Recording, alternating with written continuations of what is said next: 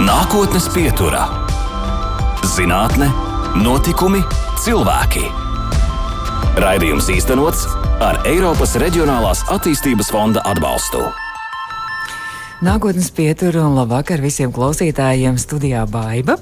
Un, protams, ka nākotnes pieturas arī viesus, bet gribu sākt ar tādu interesantu faktu, ticiet vai nē, bet izrādās, ka arī tik izklaidējoša lieta kā zinātniskā fantastika spēja radīt nopietnus zinātniekus. Jo zinātniskās fantastikas korifeja Žila Vērna grāmata noslēpuma sala bijusi tas iedvesmas avots, kas nākotnes pieturas viesī Arturā Vrubļevskī radījusi vēlmi izprast lietu kārtību, dabas likumus un izvēlēties zinātnes ceļu. Labvakar, Artur! Labvakar! Tiešām tas ir Žils Vērns, vai tā ir tikai tā, tā kā leģenda, tā smuka uztaisīta? Nē, nu, cik es atceros, tad jā. jā. Tas noteikti atstāja lielu iespēju. Jā. Tieši, tieši tā noslēpuma saltā grāmata. Jā. jā, jo tur bija tas viens inženieris, kurš gribēja kurš viņus no nulles uzbūvēja, attīstīja to viņa dzīves vietu un izgudroja ar vien jaunas lietas, lai viņiem tur labāk dzīve. A, tur bija kaut kāda komanda, ja, kas pieci cilvēki, gāja gaisa baloni, ja nonāca tajā. Jā, jā, jā. Tajā, jā. tieši tā. Iznāk vēl to grāmatu kaut kad pārlasīt, vai tā jau kaut kur jau? Tagad nē, bet kaut kad vajadzētu, jā. Un tad tā tik ļoti ietekmēja, ka, ka jau cik gadu vecumā to izlasījāt? Es vairs neatceros, bet no kaut kāda ap sesto klasi man jau sāk interesēt fizika. Jā. Nu, lūk, un, tā, tā, tā Žils Vērns radījis ir jaunu zinātnieku Latvijai, kas devies pa šo zinātnes ceļu. Un, uh, savulaik kādreizējais Rīgas pirmās gimnāzijas zelta stipendijāts. Devās uz Ameriku, laimi meklēt. Tā bija. Jā, nu, plus mīnus, jā, bet es neteiktu, ka laime drīzāk piedzīvojums. Mm -hmm. Es noteikti nevaru sūdzēties, ka šeit bija slikti, bet jā, gribējās, jā, es teiktu, piedzīvojums. Mm -hmm. Tad tā, tā vienkārši ir uh, pabeigt skolu un braukt uz Ameriku, tālāk studēt koledžā. Nu, man bija tas prieks mācīties Rīgas valsts pirmās gimnāzijas starptautiskā bakalaurāta klasē, kur mācās pēc tādas starptautiskas programmas, kur uh, pēc tam to diplomu un atzīmes uh, pazīst visā pasaulē. Nu, vai vismaz saprotu, ko tas nozīmē. Un tad mūs arī aizveda um, uz īpašu vietu. Uh, ja nekļūdos, Amerikas izglītības informācijas centrs vai kaut kas tamlīdzīgs, kur mums izstāstīja, kāds ir iespējas mācīties ASV, kāda eksāmena jākārto. Tad jau tas viss likās daudz reālāk. Bet jā, tas, tas īsti nebija kā kaut kas pašsaprotams. Es uz, no, liku tos eksāmenus, uzrakstīju pieteikumus skolām, un tas drīzāk bija kā loterijas biļete. Varbūt sanāks, varbūt nē. Man palēmējās iestāties vienā no tām augstskolām, un tad, jā, tad es sāku mācīties ASV. Sākumā Kolbija. Ja? Jā. Un pēc tam jau ļoti tajā prestižajā, leģendārajā Massachusetts Tehnoloģija institūtā. Jā. Tieši tā, jā. Tur arī doktora grādu dabūjāt, visu disertāciju nokārtojāt arī. Jā, jā. jā. Par ko bija disertācija? Uh, disertācija bija par magnētisko pārsaisti. Tas tāds process plazma fizikā, um, eksperimentāliem novērojumiem trijās dimensijās. Un tad jā, es uh, strādāju laboratorijā. Mums bija tāda uh, liela vakuma kamera, kurā mēs radījām plazmas, ierosinājām šo procesu, magnētisko pārsaisti. Mums bija sataisīts daudz, daudz zondes, ar kurām veikt mērījumus, un tad es veicu mērījumus, kas tur notiek, un mēģināju saprast un izskaidrot. Es saprotu, ka tas diezgan unikāli arī bija šie pētījumi, ka pasaulē nemaz tik daudz šādu veidu pētījumu nebija bijuši jā, tajā laikā. Nu, savā ziņā, jā, nu, es neteiktu, ka tas ir kaut kas. Uh, Jā, nu es, jā, tie noteikti ir unikāli. Es nezinu, vai tie gluži ir uh, galvu reibinoši pētījumi, bet jā, kaut kāda sava niša tam atradās. Jā. Amerika negribēja jūs paturēt pie sevis. Nu, droši vien, ja, ja arī tas nebija pašsaprotami. Ja, ja es to, ka es vēlējos atgriezties Latvijā, to jau biju izdomājis kādu laiciņu pirms es biju ticis galā ar savu doktora darbu. Tā kā aktīvi es savu darbu nemeklēju. Uh, Uh, jā, tā kā es jau tuvojoties beigām, jau izdomāju, ka es droši vien mēģināšu atgriezties Latvijā un sāku skatīties iespējas Latvijā. Es jau saprotu, ka Latvija jau jūs gaidīja, jo es tā palasīju arī, kur ka Rīgas Tehniskās Universitātes arī vadošie spēki tajā laikā bija teikuši, ai, ka viņiem kāds prieks, ka jūs atgriežaties Latvijā, un Rīgas Tehniskā Universitāte uz jums lika lielas cerības un jau prognozēja, ka nākotnē varēs būt Tehniskās Universitātes jaunais profesors. Jā, te jau sanāk, ka es viņus esmu nedaudz pievīlis. uh, bet uh, nē, man noteikti paveicās, ka, ka bija cilvēki, kuri varēja man, man piedāvāt arī darbu. Tā kā, jā, paldies noteikti nāk prātā profesors Knits no Rīgas Tehniskās Universitātes, kurš, jā, kurš man um, vēl tad, kad es mācījos Kolbijā fiziku, um, es pāris janvārus braucu strādāt. Arī tad, kad kā skaitās kā brīvlaiks, ir iespēja arī strādāt prakses. Um, šajā īpašajā janvāra semestrī, viena mēneša garajā semestrī. Un tad es izmantoju divus gadus, izmantoju iespēju strādāt, atgriezties Latvijā un kā, pastrādāt šo praksi, veikt nelielus pētījumus tieši profesora Knītas vadībā Rīgas Tehniskajā universitātē. Kā es lasīju, bez atlīdzības? nu, um, jā, uh, tajā laikā jau tas studiju laikā jau tas nebija tik. Būtiski, tik, tik būtiski, jā, tā kā man bija liels prieks, ka es varu atgriezties Latvijā uz to, uz to ziemas brīvlaiku, uz to janvāru. Bet jā, paldies profesoram Knitam, ka viņš varēja mani tad uzņemt, un arī pēc tam, kad es pabeidzu uh, mācības jau, jau doktorantūrā, ka viņš arī varēja atrast man vietiņu, lai es uh, veiktu pētījumus un arī palīdzētu studentiem ar fizikas uzdevumu risināšanu. Nu, tad tagad jau jūs esat Vēnspilnieks un uh, daļu laika dzīvojat Vēnspilī. Uh, Vēnspils starptautiskā radioastronomijas centra vadošais pētnieks. Tieši tā. Vienu brīdiņu jau mēs te parunājām, bijāt arī Vēnspils augstskolas arī zinātņu prorektors arī. Jā, jā tāds laiks arī bija. Droši vien, ka studenti nesaprata, kā var būt tik jauns prorektors. Studenti nu, ne tikai ne? studenti, arī, arī, arī pieaugušie. Jā. Uh, bet nu, tā arī bija tāda īpaša sakritība, īpaša iespēja, uh, kuru es izdomāju, ka jāizmanto. Uh, noteikti arī daudz izaicinājumu. Um, šis tas sanāca, šis, ne, šis tas netik ļoti, bet uh, jā, ļoti vērtīga pieredze. Nu, tagad par to, kas šobrīd aktuāls notiek, un man liekas, ka tie atkal ir grandiozi un fantastiski pētījumi. Vēnspils starptautiskajā radioastronomijas centrā droši vien, kas ir kā bāzes vieta. Un šobrīd par sauli. Viss par sauli. Jā, uh, nu, tas savā ziņā jāņem vērā, ka tas nav nemaz tik atšķirīgi no tā, ko es darīju iepriekš. Man jo, likās kaut kā ļoti atšķirīgi. Kāpēc nav atšķirīgi? Tāpēc, ka uh, Saules atmosfēra um, arī ir plazma, un līdz ar to, un patiesībā tie procesi, ko es pētīju doktorantūras laikā, šī magnētiskā pārsaiste, notiek ļoti lielā mērā un bieži un ir ļoti būtiski un svarīgi arī uz Saules virsmas, Saules atmosfērā. Bet, ja iepriekš es to pētīju laboratorijā, tad tagad uh, cita vieta, kur to var darīt, ir veicot saules novērojumus. Laboratorijā tas ir no vienas puses um, ērti, jo es pats radu apstākļus, pats veicu mērījumus, varu laist eksperimentus simtiem reižu. Uh, pa dienu, pa nakti, kā vien ērtāk. Uh, bet no otras puses, laboratorijā šie te, uh, raksturīgie izmēri plazmām mē, ir, ir dažādi šie jā, raksturīgie izmēri, kas var būt arī ļoti, ļoti nelieli, teiksim, milimetru. Jāveic mērījumi ar precizitāti līdz milimetram. Un uztaisīt zondi, tad uztaisīt tas tīt, metāla gabaliņu ar vadiem un ar vispārējo, ar kur izmērīt kaut ko ar precizitāti līdz milimetram, ir ļoti grūti. Un tāpēc laboratorijās var veikt tikai tik daudz, cik to var izdarīt, bet ir papildinoši jāveic arī novērojumi. Tur, kur to var darīt. Teleskopos, jā? Jā, tad var veikt novērojumus uz Saules, attālināt ar teleskopiem. Tiek laists arī, arī zondes, jeb kosmiskie aparāti. Tagad tieši ir divi svarīgi aparāti. Viens ir Solar Orbiter un otrs ir Parker Solar Probe. Tad divi šīs zondes, kas pietuvojas salīdzinoši tuvu Saulē un veiks mērījumus ne tikai skatoties uz Sauli, bet arī uz vietas, tur, kur viņas atrodas. Un tur arī no citu leņķa. Arī Jā, arī tas ir svarīgi. Un tad tāpat šo magnētisko pārsaisti pēta arī Zemē apkārt esošajā magnetosfērā. Un tad ir cilvēki, kuri laiž datorsimulācijas un arī mēģina saprast, kas tad īsti notiek. Un tad saliekot visu kopā, tad mēģina saprast. Nākotnes pieturā. Mēs turpinām redzējumu nākotnes pieturā. Arthurs Rubļevskis, fiziķis.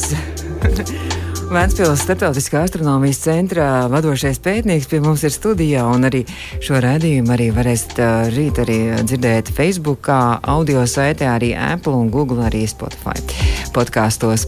Bet, nu tad, Artur, par to sauli mēs runājot, saule, nu visiem mums ir skaidrs, vai ne, saulīt mēs Šodien ilgojamies pēc saules. Vienu brīdi mums saule jau bija apnikusi un pa daudz karstu bija. Bet kas tad īstenībā ir saule un kāpēc jums interesē šis objekts saule? Nu, labs jautājums, kāpēc tieši man tas interesē. Um, droši vien tāpēc, ka šie, te, um, šie te neatbildētie jautājumi, jā, tie ir. Tie man personīgi liekas interesanti, ir ļoti izaicinoši. Um, kā jau pirmie šķiet teica, tad Saules šī atmosfēra sastāv no plazmas. Un plazmās notiek. Tas ļoti... ir šķidra. Viņa. Ja? Uh, nē, tā ir tā gāze, kur ir tik ļoti, ļoti uzkarsēta, ka tā vietā, lai daļiņas būtu neitrālas, uh, tad uh, atomus veidojošie kodoli un elektroni ir atdalījušies. Līdz ar to, ja, ja mūsu apkārt esošā gāze ir neitrāls daļiņas, kuras vienkārši lido riņķi apkārt, tad plazmā jau šīs daļiņas ir lādētas. Un lādētām daļiņām ir raksturīgi tās, ka tās ir eh, piesaistītas magnētiskajam laukam, ka to kustību ietekmē magnētiskais lauks. Un tas nozīmē, ka šīs daļiņas vairs nelido riņķī apkārt, kur vien grib, bet uh, notiek visdažādākie šie interesantie procesi, kur ne visi ir izprasti. Un tad, lai to saprastu, tad uh, jā, ir, ir zinātniekiem, ko darīt. Un saule ir milzīga enerģijas bumba. Saules kodols tas ir no tā nāk tā visa enerģija. Jā, jā. tātad saules kodolā notiek kodols sintēzes process. Tur ir ūdeņradis vai kas tur ir? Ūdeņradis un hēlijs. hēlijs. Un tad um, rodas liels daudzums enerģijas. Par laimi šo izēvielu vēl pietiks nezinu, pieciem miljardiem gadu. Un tad arī uzsprāgs pēc tam saule. Ja? Kļūst par sarkano milzi, kā es lasīju. Jā, jā, jā kaut kā tā. ir uzsprāgt arī. Jā. Laikam jā, bet es, es Tas gluži nav mans lauciņš. Tātad, jā, saulē notiek visdažādākās lietas, ir daudz neatbildētu šo jautājumu.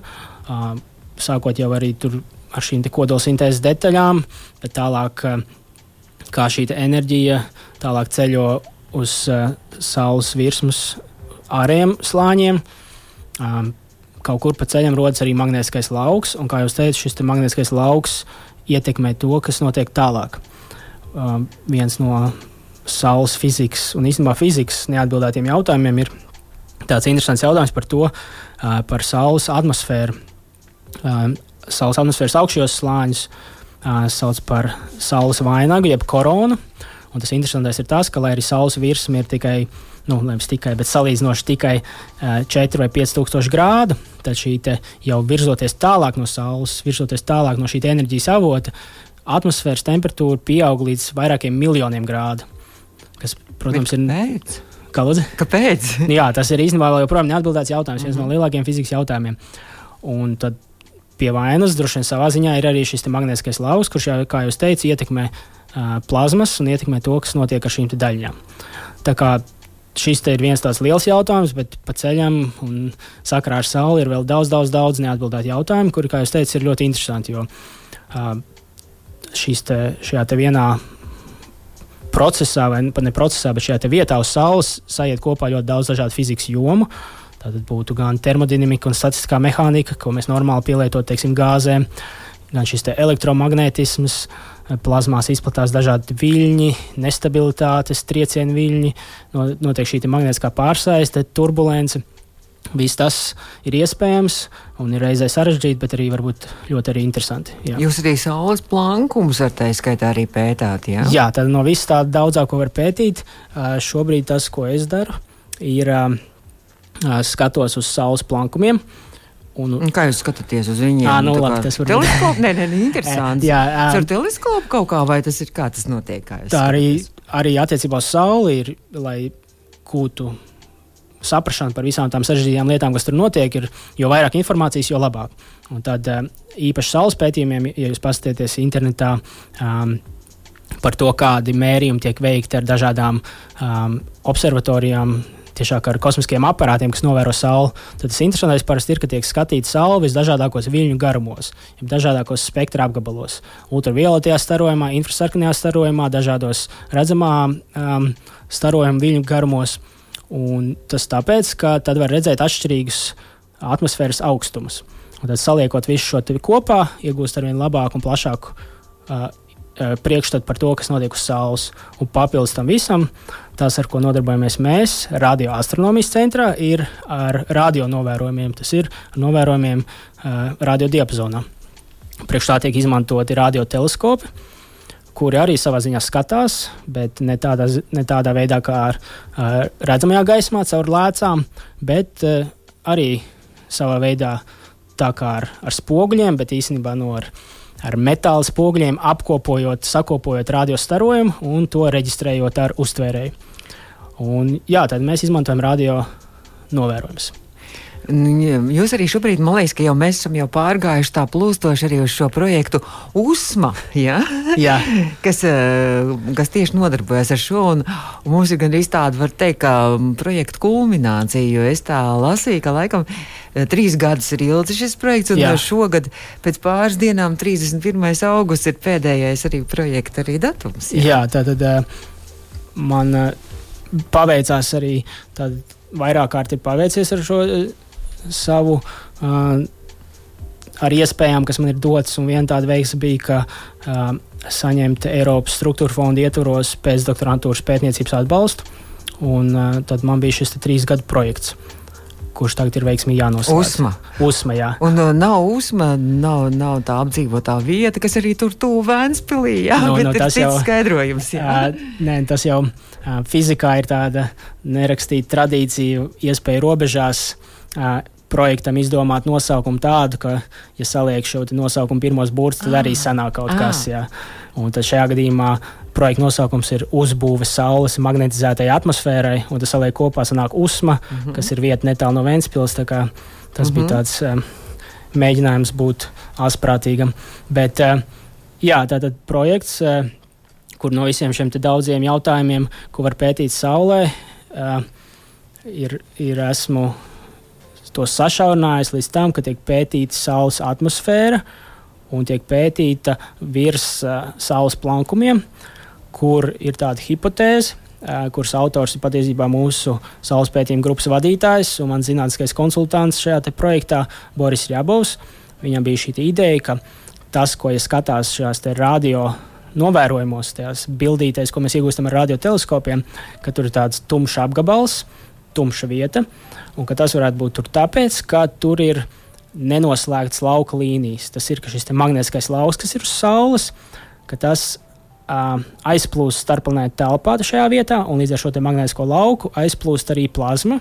Tad sanāk, ka tur paliek tumša vieta. Un tā, ir, tā vieta ir augstāka, cik es saprotu. Nu, salīdzinot vispārējos. Jā, tad šajā gadījumā tā būtu augstāka. Um, manos pētījumos izskatās, ka šajos zemajos atmosfēras slāņos tur varētu būt blīvāks nekā apkārt. Bet droši vien virzoties tālāk, atkal šis blīvums kristos strauji. Bet jā, tad apkārt mums ir šī karstā spožā plazma. Mm -hmm. Un šajā nenoslēgto lauku līniju apgabalā būtu uh, šī plazma lielā mērā aizplūdus projām, un tad paliek uh, tumš, tumša josla. Nu, tad tas magnētiskais lauks ar to plazmu kopā plūst projām. Vai? Jā, jā, savā ziņā jā. Tad, tad, uh, Tas arī viena no tādām interesantām lietām plazmu fizikā, ka plazma ir sasaistīta ar magnētisko lauku.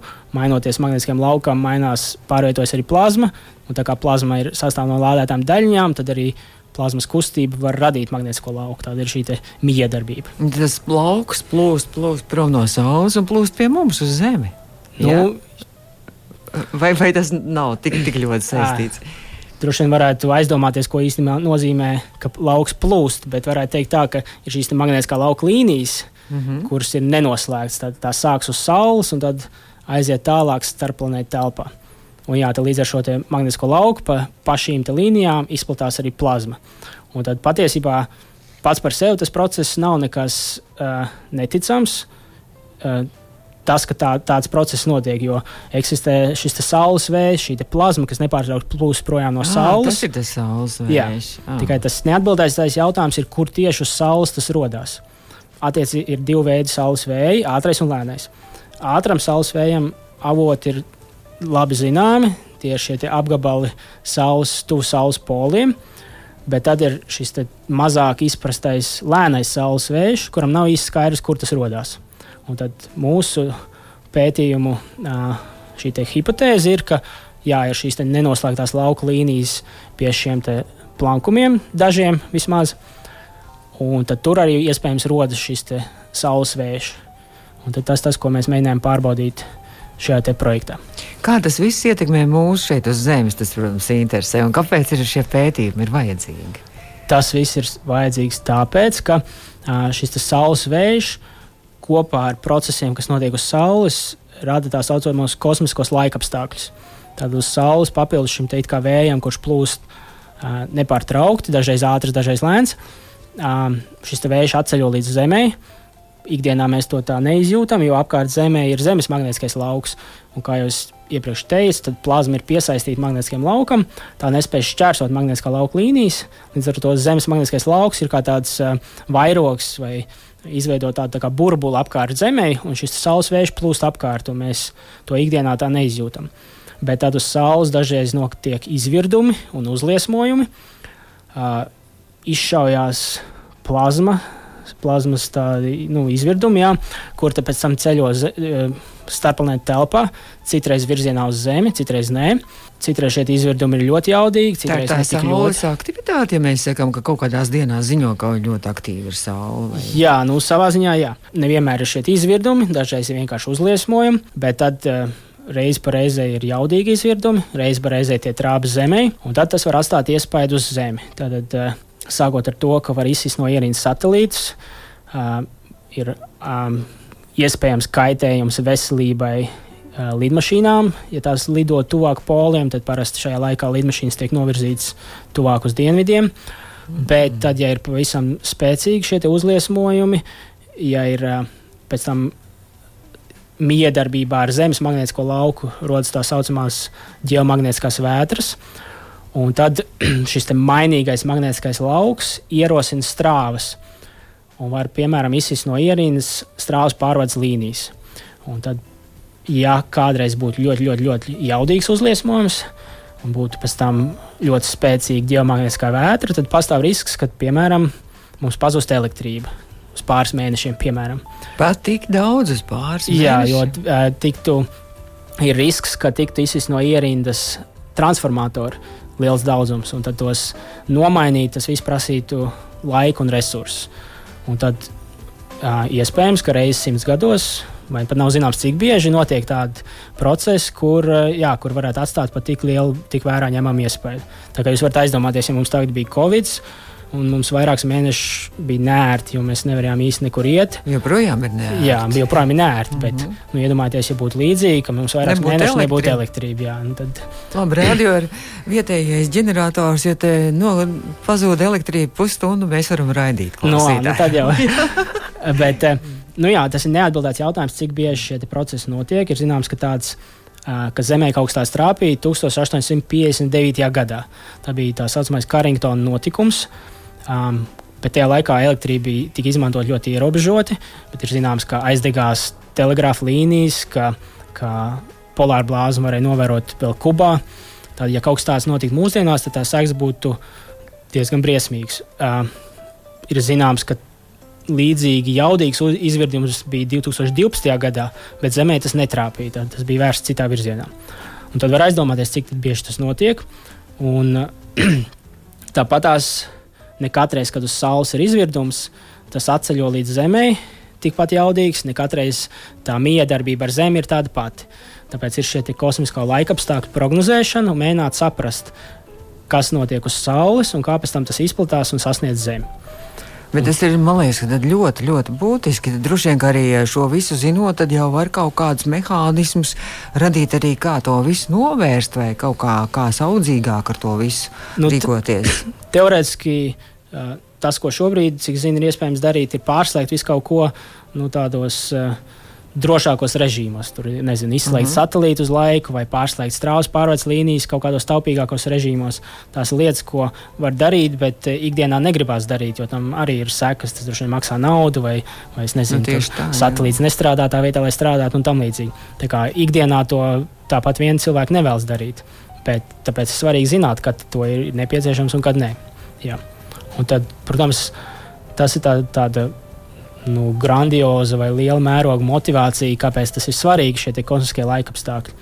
Mani pētījumi veido nav gluži pētīt šos izvirdumus, bet veidot tādu nelielu, nelielu daļu no tā visa. Tajā, ka es pētu, mēģinu saprast, kā rodas šis saules vējš, kas ir tā tāds fons, kurā tad ir un pamatlieta, fundamentāls pamatzināšanas par sauli, tās darbību, par to, kā rodas šis vējš. Un izprotot to, izprotot šo vidi, kurā izplatās šie izvirdumi, tad arī var mēģināt sniegt ieguldījumu tajā, lai saprastu arī šīs te, um, civilizācijai nozīmīgās sekas. Es domāju, ka droši vien ka arī jūs jomā, ka, ka jūs neesat viens pats un Latvija nav viena paša, un ka šajā jomā noteikti visi pasaules zinātnieki liek kopā savus prātus. Jā, jā tā kā tas ir, tas ir uh, interesanti tādā ziņā, ka, ir, ka tā ir aktīva pētījuma joma, ka ir interese par šādu tipu pētījumiem, ka cilvēki veic novērojumus. Uh, izmantojot radioteleskopus un arī, kā jau teicu, šos te, uh, kosmiskos aparātus. Uh, Tā kā iespējas ir daudz un dažādas, arī pētīt, sadarboties, tikai, tikai jāstrādā. Turpinām redzējumu nākotnes pieturam. Nākotnes pieturā.